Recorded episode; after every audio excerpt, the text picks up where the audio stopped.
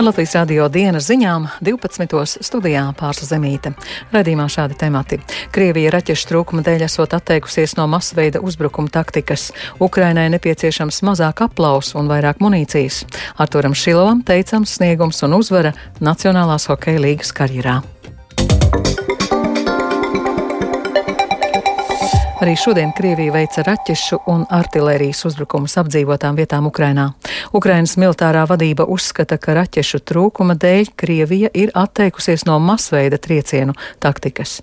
Savukārt ASV neizslēdz, ka Ķīna varētu piegādāt bruņojumu Krievijai. Plašāk Uldis Česberis. Šorīt vairākos Ukrainas austrumu un dienvidu apgabalos skanēja gaisa trauksme, jo Krievija izšāva vairākas raķetes. Vismaz viena no tām trāpīja Druškivkas pilsētā Donetskas apgabalā. Vietējās amatpersonas ziņo, ko uzbrukumā ir nodarīti postījumi divām daudzstāvu dzīvojamām ēkām un vairākām automašīnām. Nav ziņu par to, vai ir cietuši cilvēki. Citviet Ukrainā Krievijas spēki ar artilēriju ir apšaudījuši apdzīvotās vietas tuvu frontes līnijai. Ukrainas bruņoto spēku pārstāve Natālija Gumeņuka šorīt pastāstīja, ka Melnajā jūrā dežūrē divi Krievijas kara kuģi, uz kuriem kaujas gatavībā varētu būt astoņas pārnotās raķetes Kaļiber. Viss liecinot par to, ka Krievijai trūkst šī tipa raķetes, bet krājumu papildināšana notiekot lēnām. Tāpēc Krievi masveida raķešu triecienu vietā arvien biežāk veids ierobežotus uzbrukumus, norādīja Gumeņuka. Iepriekšējā taktika, kad ienaidnieki izmantoja ļoti daudz raķešu un nesasniedza īpašus rezultātus, neapmierināja viņu militāro vadību. Viņi ir novērojuši mūsu pretgaisa aizsardzības sistēmu efektivitāti, un viņi ir ļoti noraizējušies par mūsu pretgaisa aizsardzības efektivitāti. Tāpēc Krievi meklē veidus, kā tās vājināt. Ienaidnieks cenšas noskaidrot šo sistēmu atrašanās vietas. Krievijai arvien grūtāk ir nodrošināt savu karaspēku ar visu nepieciešamo, tāpēc Maskava vēršas pie sev draudzīgām valstīm, lai lūgtu dažāda veida militāro palīdzību. ASV amatpersonas uzskata, ka Ķīna ir piegādājusi Krievijai neletālu militāro palīdzību, piemēram, karavīru uniformas un ķermeņa bruņas, vēsta telekanāls NBC News. Vašingtonā satraucas, ka Pekina varētu piešķirt Krievijai arī ieročus. Pagaidām nekas neliecinot, ka ķīnieši šādu soli būtu spēruši, taču šādu iespējamību iespējamību nevarot izslēgt. Minhenē šodien noslēgsies drošības konference, kurā galvenā uzmanība ir pievērsta karam Ukrainā. Vakar vakarā konferencē uzstājās Francijas prezidents Emmanuels Macrons. Viņš sacīja, ka nedrīkst pieļaut Krievijas uzvaru pašas uzsāktajā karā. Mais très clairement aujourd'hui, L'heure n'est pas au dialogue, parce que nous avons une Russie.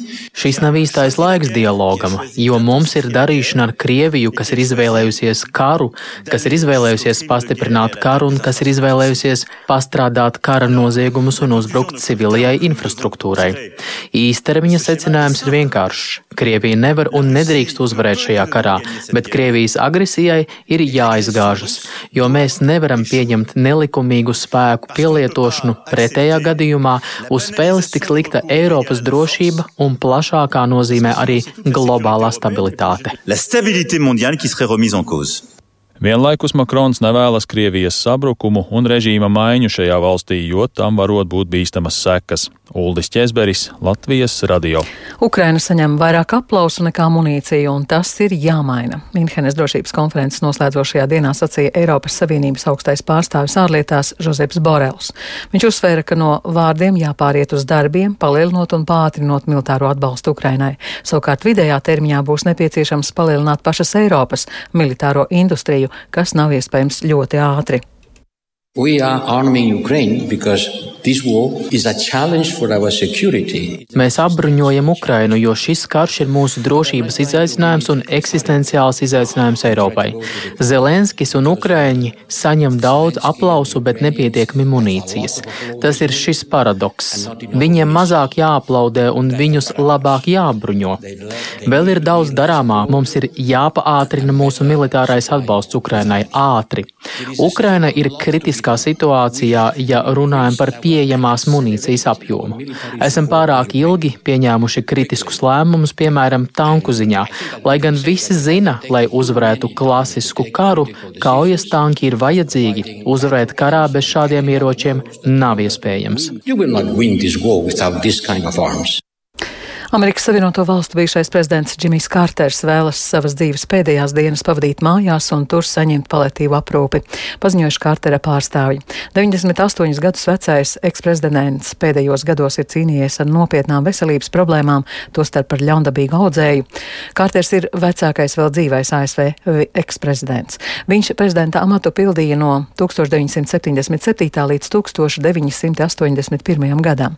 2002. gadā Kārters saņēma Nobela miera prēmiju par gadu desmitiem ilgajiem centieniem risināt militāros konfliktus visā pasaulē.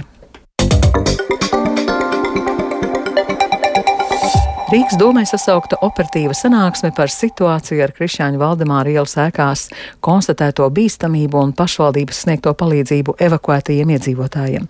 Vakar vakarā ēkās Valdemāra ielās 117 un 119 konstatēta bīstama deformācija, tāpēc evakuēti iedzīvotāji un ierobežot satiksme ēktūmā. Plašāk informācija par notikumu un problēmu risināšanu Rīgas domes sniegs dienas laikā.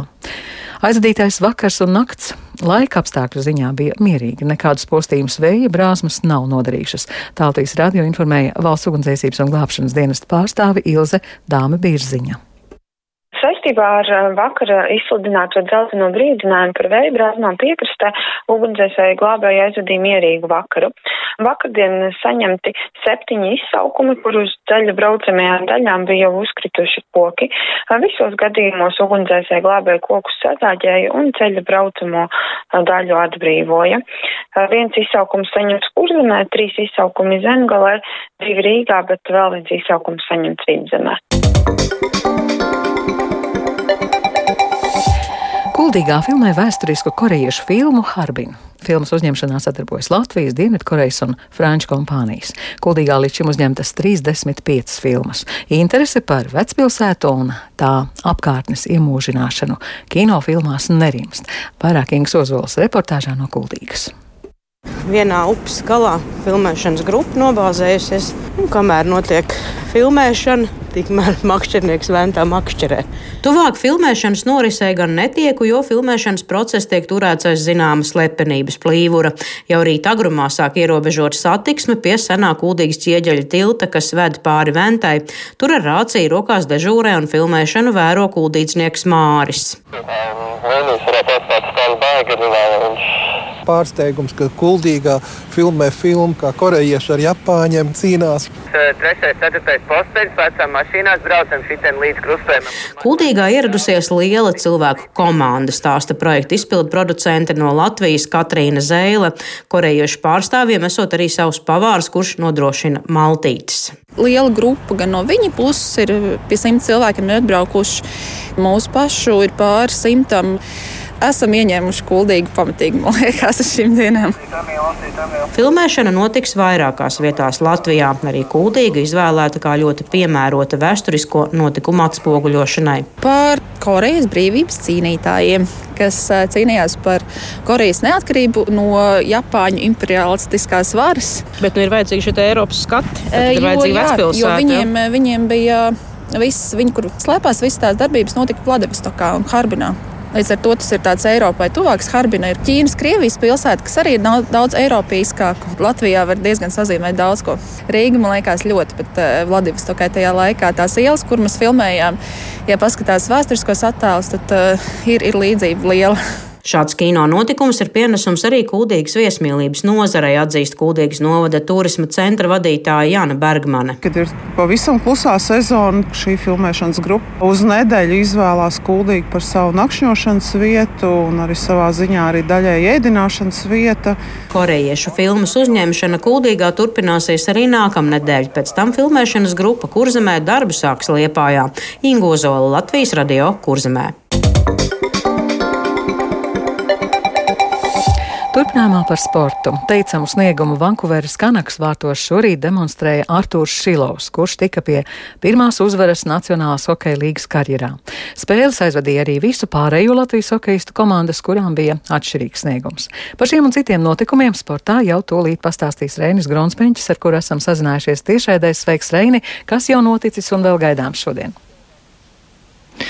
Sveiki pārslas, sveicināt klausītāji. Jā, šonakt spēlēja visu latviešu, visu latviešu tātad NHL pārstāvētās komandas, taču, jā, kā jau tu pārsli minēji, tieši Vankūvers Canucks mačam jāpievērš vislielākā uzmanība, jo savu otro spēli Nacionālajā hokeja līgā aizvadīja jaunais vārdsargs Artūrs Šilovs, izcīnot pirmo uzvaru NHL karjerā. Viņa pārstāvētā Canucks ar 6-2 pārspēja Filadelfijas Flyers. Šilovam padevās lieliska spēle, atvairot 35 no 37 pretinieku metieniem, jeb 94,6%. Debiju Šilovs piedzīvoja pirms trim dienām, kad savos vārtos ielaida piecas ripas pret New Yorkas Rangers, bet tagad klausāmies, kas viņam pašam bija sakāms pēc šī rīta spēles. It feels great. I was working for that and finally accomplished so. Jūtos lieliski, biju līdz tam strādājis un beidzot to sasniedzu. Nebiju uztraucies, jo šī bija otrā spēle un jutos komfortablāk. Šodien man spēlēt bija daudz vieglāk.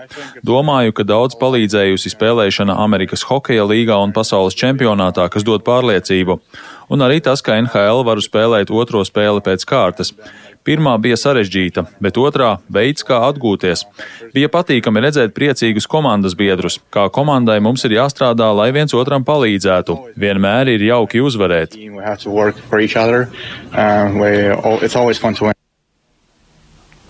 Citviet pie uzvarām tika Zamgus Girgensons un Buffalo Sabres, kas ar 4-2 pārspēja San Jose Sharks, kā arī Elvis Merzļikins un Kolumbusas Blue Jackets, kas ar 4-1 pieveica Dallasas Stars. Merzļikins spēli noraudzījās no rezervistu soliņa, bet Girgensons ar rezultatīvitāti neizcēlās. Toties neveiksmi cieta Teodora Bļugera pārstāvētā Pitsburgas Penguins, kas ar 2-5 piekāpās Ņūdžersijas Devils.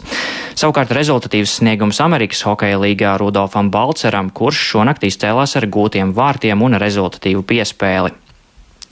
Vēl runājot par sporta notikumiem Ziemeļamerikā, šodien jāizceļ arī Saltlake Cityjā notikušie Nacionālās basketbola asociācijas zvaigžņu spēles meistarības pārbaudījumi. Slamdanka jeb bumbas trieciena grozā no augšas konkursā uzvarēja 24 gadus vecais aizsargs Maks Maklanks, kurš NBA karjerā aizvadījis tikai divus mačus. Uh, iespējams efektīgākais danks viņam bija tieši pēdējais, kurā viņš pirms triekt bumbu grozā apgriezās 540 grādus ap savu asi. Savukārt trīs punktu metienu konkursā uzvarēja Portlandas Trailblazers spēlētājs Dēmiens Lilārds. Bet pievēršoties šodien gaidāmiem notikumiem, šodien Oberhofā noslēgsies pasaules čempionāts Bietlonā. Pūksteni pusdivos paredzēts māsu starts vīriešiem, kur startēs arī Andrejs Rastorgujevs. Vēlāk vakarā pūksteni septiņos Itālijas A sērijā futbolā Raimonda Kroļa pārstāvētajai komandai Spēcija savā laukumā būs jātiekas ar slaveno Turīnas Juventus. Uh, Juventus komandai gan šī sezona ir bijusi pagalam neveiksmīga Itālijas A sērijas turnīra tabulā tabulā ieņemot tikai 11. vietu. Bet, eh, skatoties tepat Latvijā, tad, protams, jāizceļ Siguldas trasē notiekošais pasaules kausa sezonas pēdējais posms bobslejā. Arī šodien notiks vīriešu divnieku sacensības, kur piedalīsies Emīls Cipulis un Jākaps Kalenda. Tiesa gan, abi no vakardienas starta ir mainījuši stūmējus. Cipulis startēs kopā ar Edgaru Nemi, bet Kalendas pārinieks būs Ārnis Bebrišs. Un vēl noslēgumā arī jāizceļ vakarā gaidāmais Latvijas kausa fināls basketbolā, kur tiksies tiksies VF Rīga un Liepāja komandas. Šī spēle Liepājas Olimpiskajā centrā sāksies pulksten piecos, bet eh, par sporta gaidām man tas arī viss. Paldies, Reinis Grunsmēņķis par jaunumiem sportā. Ar to izskan Latvijas rādio dienas ziņas. Producents Viktors Pupiks ierakstus montēja Ulris Grīnbergs par labskaņu rūpējās Kārlis Rašmanis. Ar jums runāja pārsla Zemīte un īsti par svarīgāko. Krievija raķešu trūkuma dēļ esot atteikusies no masveida uzbrukuma taktikas. Ukrainai nepieciešams mazāk aplausu un vairāk munīcijas, paziņo Borels. Un vēl par laikapstākļiem. Yeah. Latvijas vidas geoloģijas un meteoroloģijas centrs informē pat labam Rīgā 2 grādi, ziemeļrietumu vējš 7, brāzmās 10 m2, gaisa spiediens 752 mm, gaisa relatīvais mitrums 63%. Šodien Latvijā lielākoties mākoņains, Latvijas austrumos sniegs, slapjš sniegs, ceļš slīdeni, rietumu, ziemeļrietumu vējš 6,11, brāzmās 15, 18 m2, gaisa temperatūra mīnus 1, plus 4 grādi.